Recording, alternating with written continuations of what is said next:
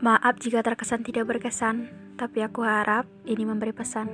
Hai, ini Pirda, dan di podcast tentang menerima ini akan ada banyak hal-hal menarik.